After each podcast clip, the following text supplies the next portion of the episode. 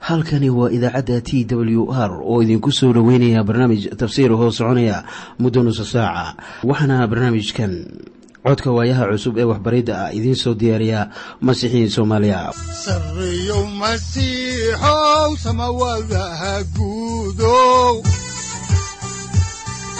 Siraadkii adduunkow subanaha eebow sareyow masiixow samawadaha guudow siraadkii adduunkow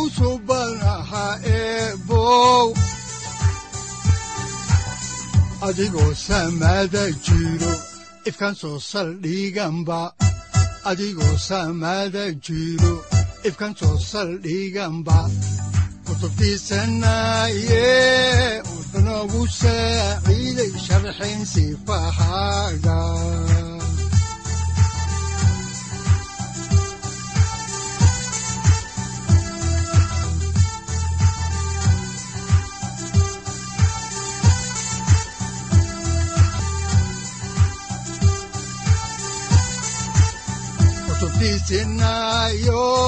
ebnagu saaciid sharxin sifahaaga ku soo dhowaada dhegaystayaal barnaamijkeenna dhammaantiinba.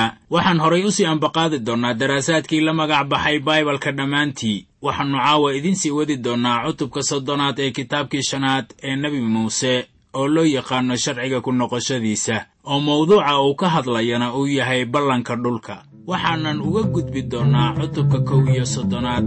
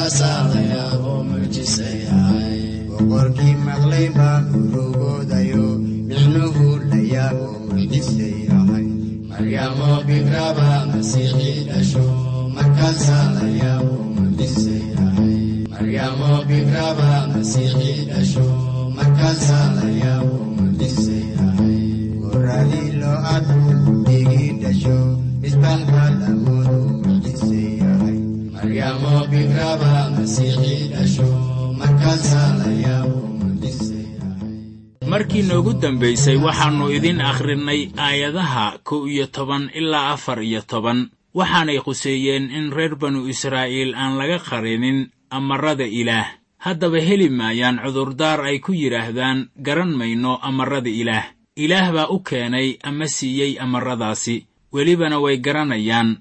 Waxaan kaloo leennahay mas'uuliyad kuweenna nool maanta oo fursad u hela wacdiska injiilka waxaa la doonayaa in dadka caynkaas ah ay akhbaarkan wanaagsan la wadaagaan dadka kale. Saaxiibayaal uma aadan baahnidiin inaad samada sare ka raadisaan badbaado. Welibana ma ahan inaad badaha soo jeexdo si lagu badbaadiyo. Waxaanse kuu sheegayaa in badbaadadu ay kula jirto marka aad dhegaysanayso hadallada ilaah ee aynu kugu wacdiyeyno markii aad hadalladaasi maqasho ayaad mas'uuliyaddu ay noqonaysaa inaad ficil ka dhigto wixii aad maqashay. Haddaba xorriyad baa leedahay oo ah inaad warka maqasho iyo inaad diiddo. Laakiin hawsha qofka hadallada ilaah wacdinaya waxa weeye inuu farriinta gaarsiiyo dadka oo dhan. Markii qofku uu maqlo injiilka isaga ayay jirtaa inuu aqbalo iyo inuuna aqbalin. Bal iminkana aynu eegno wixii rasuul bawlos uu ka leeyahay aayadaha laba iyo toban ilaa saddex iyo toban ee cutubka soddonaad ee kitaabka sharciga ku noqoshadiisa. Rasuul bawlos oo xaalkaasi ka hadlaya ayaa wuxuu leeyahay sida ku qoran warqaddiisii reer rooma ee baalka laba boqol kow iyo siddeetan ee axdiga cusub cutubka tobanaad aayadaha lix ilaa toban sida tan. Laakiin xaqnimada rumaysadku sidaanay tidhaahdaa qalbigaaga ha iska odhan yaa samada kori doona inuu masiix soo dejiyo ama yaa yaamayska hoos u geli doonaa inuu masiix kuwa dhintay ka soo saro kiciyo. Laakiin maxay leedahay? Eraygii waa kuu dhow yahay waana ku jiraa afkaaga iyo qalbigaaga. Waxa weeyaan erayga rumaysadka oo aannu kugu wacdinno.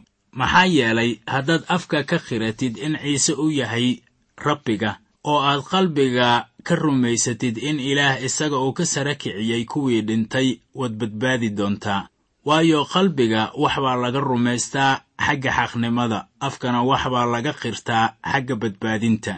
Haddaba waxaannu arkaynaa in rasuul bawlos aannu odhanaynin hadalladanu waa kuwii muuse laakiin wuxuu leeyahay waa xaqnimada rumaysadka. Bawlos halkan inoogu sheegi maayo in wax isbeddel ah uu ku yimid sharciga qidcada ku qoran sharciga ku noqoshadiisa. Waa mid waxyi ah oo ka hadlaysa maalinta. Marka reer banu israa'iil ay ilaah ugu soo noqonayaan qalbigooda oo dhan iyo naftooda oo dhan sida aynu ku arki doonno cutubka saddex iyo soddonaad ee kitaabka sharciga ku noqoshadiisa aayadda tobanaad. Waxaanay aayaddaasu eegaysaa axdiga cusub ee ilaah uu la samaysanayo reer banu israa'iil. Haddaba axdiyada ka hadlaya in reer banu israa'iil ay ilaah u soo noqonayaan way badan yihiin. Waxaana ka mid ah kan ku qoran kitaabkii yeremiyah oo qayb ka ah kutubta axdigii hore cutubka afar iyo labaatanaad aayadda toddobaad ee baalka sagaal boqol shan iyo siddeetan. Waxaa qoran sida tan oo waxaan iyaga siin doonaa qalbi ay igu gartaan si ay u ogaadaan inaan anigu rabbiga ahay oo waxay noqon doonaan dadkaygii anna waxaan noqon doonaa ilaahoodii. Waayo qalbigooda oo dhan way iigu soo noqon doonaan.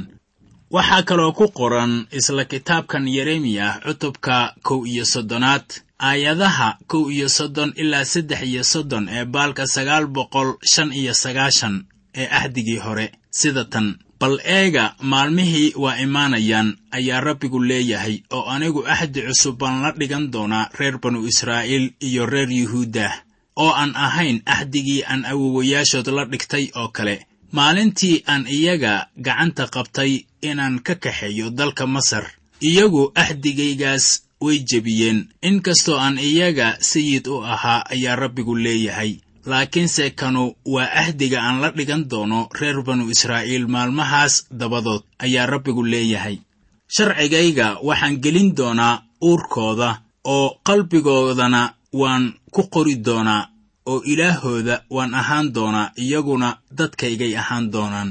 Haddaan dib ugu soo noqonno kitaabka axdiga cusub ayaannu eegaynaa warqaddii cibraaniyadda cutubka siddeedaad aayadda siddeedaad ee baalka saddex boqol siddeed iyo soddon ee axdiga cusub. Waxaa qoran sida tan wuxuu yidhi isagoo iyaga eedaynaya bal eeg maalmihii waa imaanayaan ayaa rabbigu leeyahay oo anigu axdi cusub baan la dhigan doonaa reer banu israa'iil iyo reer yuhuudda. Kaasoo weli aan imaanin ama dhaqangal noqonin. Haddaba xaqnimada rumaysadka ayaa bilxaqiiqa waxaa u marag furaya nebiyada iyo sharciga. Haatanna looma baahnaa in samada la koro oo masiixa la soo dejiyo isagu wuu yimid dunidan oo welibana iskutallaabta ku dhintay. Wax loo baahan yahay ma ahan in dhimashada laga soo sara kiciyo waayo horay baa dhimashadii looga sara kiciyey. Waxay reer banu israa'iil ku dhaqmayeen sharciga ilaa iyo kun iyo shan boqol oo sannadood oo welibana xeer ahaan iyo qawaaniin ahaanba way u isticmaalayeen. Welibana xaqnimo kuma ayan gaarin sharciga. Masiixa baa u yimid isla sidii uu sharciguba ugu yimid markaana ma ahan wax ka fogaa ama ayan garanaynin wuxuuse ahaa mid iyaga ka soo daahiray. Wuxuuna ku dhintay iyaga dhexdooda markaana waxa ay heleen xaqnimada rumaysadka sida innaguba aynu u haysanno. Waayo waxaa la naadiyey sannado fara badan oo aan xisaab lahayn. Sharcigu wuxuu ka markhaati kacayaa xaqnimada sharciga iyo xaqnimada rumaysadka labadaba. Haddaba markaan eegno kitaabka sharciga ku noqoshadiisa ayaan laga hadlin wax ku saabsan sharciyo laakiin waxaa laga hadlayaa amar. Marka ay sidan tahay xaqnimada sharciga weli ma aanu keenin badbaado laakiin xaqnimada ku timaada rumaysadka ayaa badbaadada laga helay markii aad si taxaddar leh ugu kuurgashaan qidcooyinkan ku qoran kitaabka sharciga ku noqoshadiisa cutubka soddonaad ayaa muujinaya in bawlos aanu eray eray u soo xiganin laakiin wuxuu u isticmaalayaa erayadaasi qidco ahaan. Haddaan dib ugu soo noqonno xigashada ayaannu eegaynaa kitaabka sharciga ku noqoshadiisa cutubka soddonaad aayadaha shan iyo toban ilaa lix iyo toban ee baalka laba boqol lixdan iyo afar ee axdigii hore waxaa qoran sida tan bal eega maanta waxaan idin hor dhigay nolol iyo wanaag iyo geeri iyo shar oo waxaan maanta idinku amrayaa inaad rabbiga ilaahiinna ah jeclaataan oo aad jidadkiisa ku socotaan oo aad wada xajisaan amaradiisa iyo qaynuunnadiisa iyo xukuumaddiisa inaad noolaataan ood badataan iyo in rabbiga ilaahiinna ahu uu idinku barakadeeyo dalka aad ugu socotaan inaad hantidaan. Haddaba joogitaanka ay dhulka joogayaan waxaa shuruud looga dhigayaa addeecista ilaah. Wuxuu soo koobay taariikhdoodii oo wuxuu leeyahay dhulka way ka baxayaan ama waa laga saarayaa haddii ay ilaah addeeci waayaan. Laakiin ilaah wuxuu ballan qaadayaa inuu soo celiyo iyaga. Ugu dambaystiina way soo noqonayaan oo kol dambe dhulka lagama bixin doono. Maxaa haddaba sabab u ah ma waxaa sabab u ah inay ilaah addeeci doonaan maya. Waxaase sabab u noqonaya in ilaah mar waliba u kaamilo wixii uu ballan qaado. Isagu wuu soo celin doonaa iyana way addeeci doonaan. Innaguna la mid baynu nahay oo wuuna aqbalayaa. Innaguna waynu addeecaynaa. Ilaah wuxuu ina weyddiisanayaa inaan ku kalsoonaanno in ciise masiix uu yahay badbaadiyaheenna wixii intaa ka dambeeya wuxuu inagala hadlayaa wax ku saabsan addeecista ciise masiix. Wuxuu leeyahay haddii aad i jeceshihiin waxaad dhowri doontaan amaradayda haddaan horay idinku sii wadno xigashada kitaabka oo aannu eegno kitaabka sharciga ku noqoshadiisa cutubka soddonaad aayadda labaatanaad waxaa qoran sida tan. Idinkoo rabbiga ilaahiinna ah jecel oo codkiisa addeecaya oo isaga sii xajista.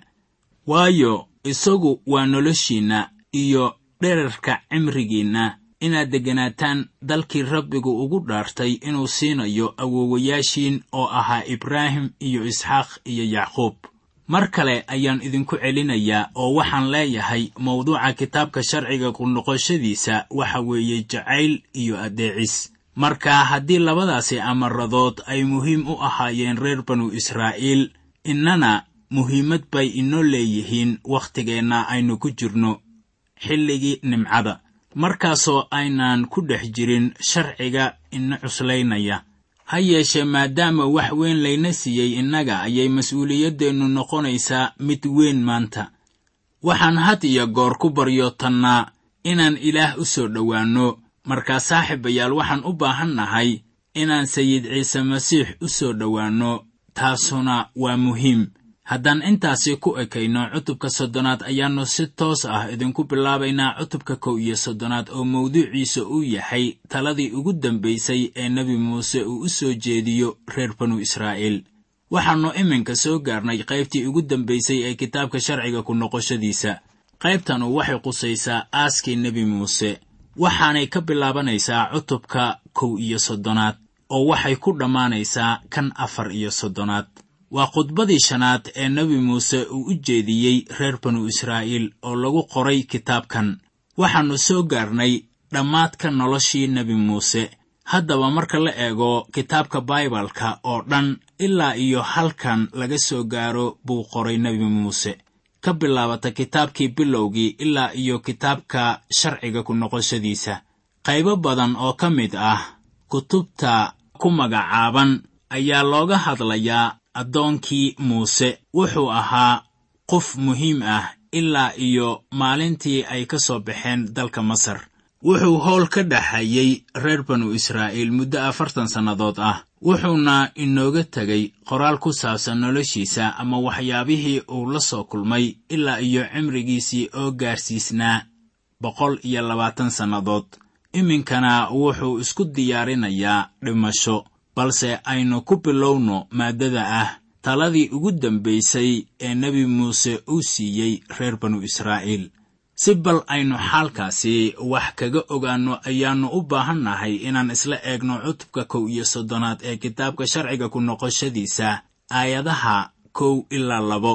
Waxaana qoran sida tan. Markaasaa nebi muuse uu tegey uu erayadan kula hadlay reer banu israa'iil oo dhan oo wuxuu iyagii ku yidhi maanta waxaan jiraa boqol iyo labaatan sannadood oo mar dambe ma bixi karo mana soo geli karo oo rabbiguna wuxuu igu yidhi webigan urdun ka gudbi maysid waxaad iminka eegtaa labadii jumladood ee isaga ku saabsanayd. Wuxuuna yidhi waan gaboobay. Haddaba innaga oo dhan waynu gaboobaynaa oo badankeen ma jiro qof gaaraya boqol iyo labaatan sannadood. Markii aynu gaarno heerkaas ayaynan innaba howlaha ilaah macno u yeelan karaynin. Nebi muusena iminka kama tallaabsiin karo reer banu israa'iil xuduudda oo wixii iminka ka dambeeya hoggaamiye si ahaan maayo haddaan horay idinku sii wado xigashada ayaa waxaa ku qoran kitaabka sharciga ku noqoshadiisa cutubka kow iyo soddonaad aayadda saddexaad sida tan. Haddaba waxaa idin horgudbaya rabbiga ilaahiinna ah oo hortiinna buu ku baabi'in doonaa quruumahaas oo idinna iyaga waad hantiyi doontaan oo sidii rabbigu yidhi waxaa idin horkici doona yeshuuca muuse ma ahan kii doortay in yeshuuca uu noqdo hoggaamiye ilaah baa doortay. Isaga si uu u noqdo hoggaamiyaha beddeli doona nebi muuse. Waxaa shaki uu iiga jiraa in nebi muuse uu dooran lahaa yeshuuca haddii isaga loo dayn lahaa inuu hoggaamiye u doorto reer banu israa'iil.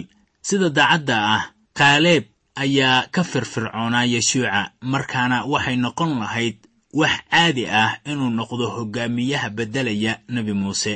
Waxaa kale ee uu nebi muuse u fikiri lahaa sida dadka oo wuxuu hoggaamiye ka dhigi lahaa waa haddii isaga ay ka imaanayso xulashada eh mid ka mid ah wiilashiisa. Waxaa dalka masar ka talinayay reer fircoon kuwaasoo boqortooyada u gudbin jiray wiilashooda. Markaa hoggaamiyaha ku xiga nebi muuse ilaah baa doortay taasina innaga ayay cashar wax ku ool ah inoo tahay. Waxaan halkan ka ogaanaynaa in qorshayaasha ilaah ayan innaga ina hoos imaanaynin ama innagu aynan ka ahaanaynin sida shay lagama maarmaan ah. Ilaah wuxuu dadka u isticmaalaa si qorshihiisa iyo wakhtigiisa waafaqsan. Laakiin markii wakhtiga shaqada qofku dhammaato ayaa haddana waxaa sii soconaya howlihiisa waxaa jira dad ay la tahay inay muhiim u yihiin howlaha ilaah laakiin markii ay isaga tagaan hawsha waxaad arkaysaa in hawshii ay sii ballaaranayso oo ay sii soconayso. Markii wakhtigeenna uu soo dhammaado ilaah qof kale ayuu hawshiisa u kicinayaa taasina waa waxa halkan ka dhacaya oo waxaa la soo gebagabaynayaa hawshii nebi muuse haddaan horay idinku sii ambaqaadno xigashada ayaannu iminkana eegaynaa sharciga ku noqoshadiisa cutubka kow iyo soddonaad aayadda lixaad. Waxaana qoran sida tan. Haddaba xoog yeesha oo aad u dhiiranaada ha baqina hana ka cabsanina. Waayo waxaa idinla socda rabbigii ilaahiinna ahaa. Idinma gabi doono idinmana dayrin doono. Haddaba addoonkii ilaah ee nebi muuse ahaa wuxuu dhiiragelinayaa dadkan oo wuxuu ku leeyahay ha ka cabsanina qabiilada cadowyadiinna ah ee jooga dalka aad gelaysaan oo waxaad ogaanaysaa inuu faracan cusub had iyo goorba dhiirogelinayo wuxuu u sheegayaa inay dhulka u gudbaan waayo wuxuu u soo joogay khibradihii ka qabsaday qaadeesh berneca wuxuu arkay faracii waaweynaa oo sii duqoobaya oo lamadegaanka ku noqday. Markaana nebi muuse wuxuu ku dhiirigelinayaa faracan cusub inay dhulka galaan isagoo u xaqiijinaya iyaga in ilaah uu ku hoggaamin doono qabsashada dhulka. Haddaan horay idinku sii wadno xigashada ayaa waxaa ku qoran cutubka kow iyo soddonaad aayadda toddobaad sida tan. Markaasaa nebi muuse yeshuuca uu u yeedhay oo wuxuu reer banu israa'iil oo dhan hortooda ku yidhi xoog yeelo oo aad u dhiiranow. Waayo waxaad dadkan ula gudbaysaa dalkii rabbigu awoowayaashood ugu dhaartay inuu iyaga siinayo oo dalkaas ayaad dhaxalsiin doontaa. Haddaba taladan yeshuuca uu siinayo ayaa ah mid wax ku ool ah. Wuxuu ku dhiirigelinayaa dadka hortooda.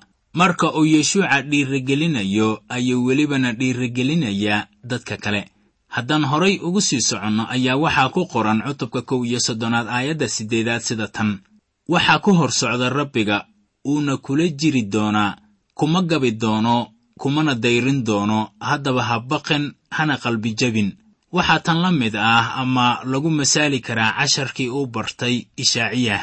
Waxaad xusuusan kartaa kuwiinna baibalka garanaya cutubka lixaad ee kitaabka ishaaciyah markaasoo ishaaciyah uu ku bilaabay qisada sannadii boqor cusiyah dhintay ayaan arkay rabbiga oo ku fadhiya carshi sare oo dheer. Haddaba cusiyah wuxuu ahaa boqor wanaagsan. Haatanse wuu dhintay. Markaana ishaaciyah waxay la noqotay in wax waliba ayaan sidii loogu tala galay noqonaynin. Waxay la ahayd in boqor kale uu imaan doono oo uu dalka baadiyeyn doono. Laakiin maxaa dhacay markii u yimid macbudka wuxuu ogaaday in ilaah uu ku fadhiyo carshi sare oo boqorka israa'iil iyo kan yuhuuddah oo ah boqorka dhabta ah inuu ku fadhiyo carshigan. Marka boqorkii reer banu israa'iil wuu nool yahay waana ilaah.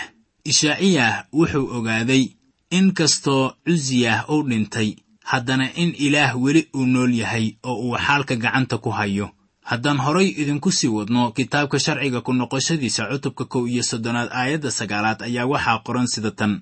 Markaasaa nebi muuse sharcigan qoray oo wuxuu u dhiibay wadaaddadii reer laawi oo qaadi jiray sanduuqii axdiga rabbiga iyo odayaashii reer banu israa'iil oo dhan. Haddaba aan idin xusuusiye kitaabkan sharciga ku noqoshadiisa wuxuu ku bilaabanayaa kuwanu waa hadalladii muuse ku hadlay. Waxaa markaasi kitaabka ku qoran siddeed goor oo nebi muuse hadal u jeediyey dadka. Dabeetana waa la qoray. Muuse ayaa qoray sharcigan. Qolyaha ka soo horjeeda kitaabka quduuska ah ayaa waxay rumaysan yihiin inuuna sharcigani qornayn ilaa laga gaaro afar boqol oo sannadood ka hor dhalashadii ciise masiix. Hase yeeshee khubarrada ku takhasustay cilmiga arkeolojistiska ayaa ogaaday in dadka ay wax qori jireen xitaa ka hor dhalashadii nebi muuse. Waxaase jira qolyo masiixiyiin ah oo furfuran oo rumaysan in aan la qorin sharciga muddo ka horraysa afar boqol oo sannadood ka hor dhalashadii masiixa. Taasuna waa asbaab la xidhiirta waxyiga ah in israa'iil dhulka laga saari doono kadib markii ay ku soo noqdeen.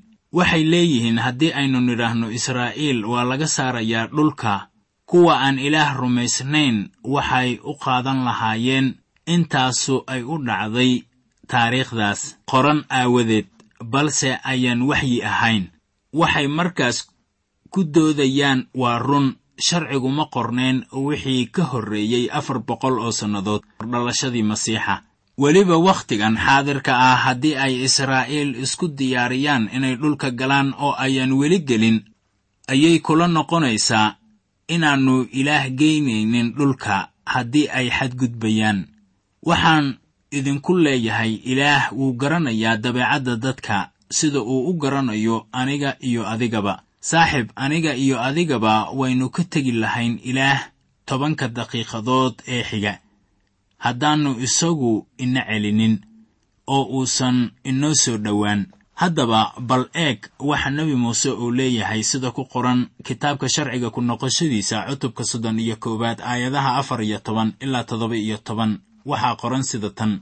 Markaasaa rabbigu muuse ku yidhi bal eeg wakhtigii aad dhiman lahayd waa soo dhow yahay. Haddaba yeeshuuca u yeer oo isdhex taag teendhada shirka aan isaga amar siiye markaasaa muuse iyo yeshuuca ay tageen oo teendhadii shirka isdhex taageen kolkaasaa rabbigu teendhada kaga dhex muuqday tiir duruur ah oo tiirkii duruurta ahaa wuxuu ku kor istaagay iriddii teendhada.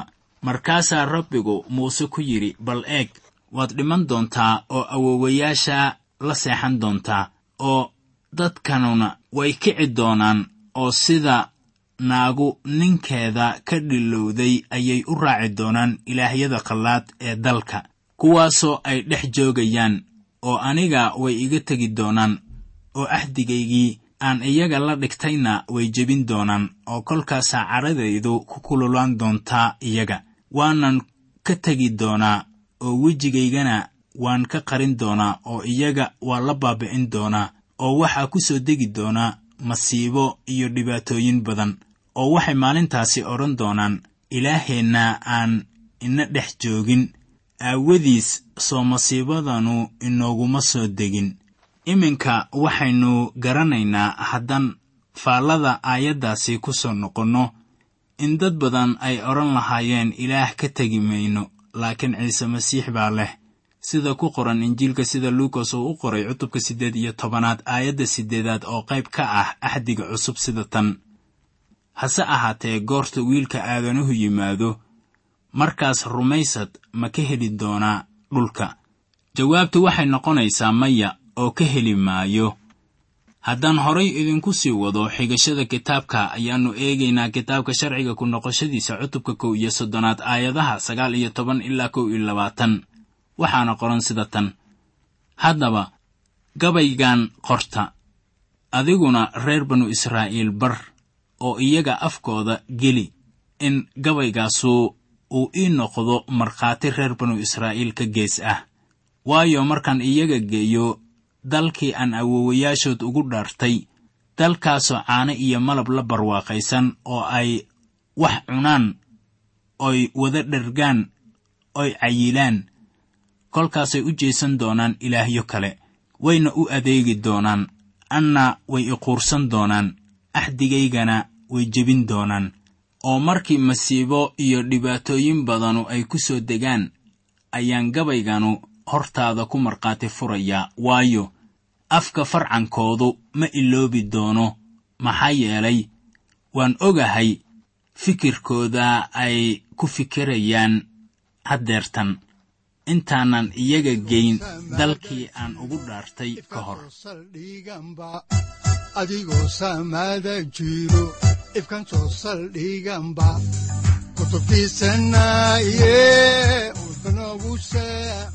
halkani waa t w r idaacadda t w r oo idinku leh ilaa ha idin barakeeyo oo ha idinku anfaco wixii aad caawi ka maqasheen barnaamijka. Waxaa barnaamijkan oo kalea aad ka maqli doontaan habeen dambe hadahan oo kale haddiise aad doonaysaan in aad fikirkiina ka dhiibataan wixii aad caawi maqasheen ayaad nagala soo xiriiri kartaan som t w r at t w r c o k e haddii aad doonaysaan in aad dejisataan oo kaydsataan barnaamijka ama aad mar kale dhegaysataan fadlan mar kale booqo www t w r o r g amase www t t b t w r o r g. Amase waxaad teleefoonkaaga ku kaydsataa ama ku download garaysataa agabyada ku sahli karaa dhegeysiga t w r haddii aad doonayso in laga kaalmeeyo dhinacyada fahamka kitaabka amase aad u baahan tahay duco fadlan fariimahaaga soo mari bogga aaraahda ama kommentska inana jawaab degdeg ah ayaanu ku soo diri doonaa amase ku siin doonaaye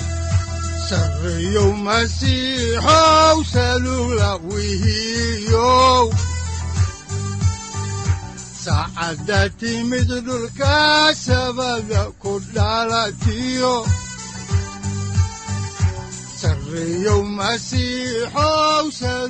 halkani waa t w r oo idiin rajaynaya habeen baraare iyo barwaaqaba leh. Inta aynu ka gaari doono wakhti aynu ku kulanno barnaamij la mida kan caawayay aad maqasheen. Waxa aan idinku leeyahay nabadda ciise masiix ha idinku badato xagga jidhka iyo ruuxaba. Aamiin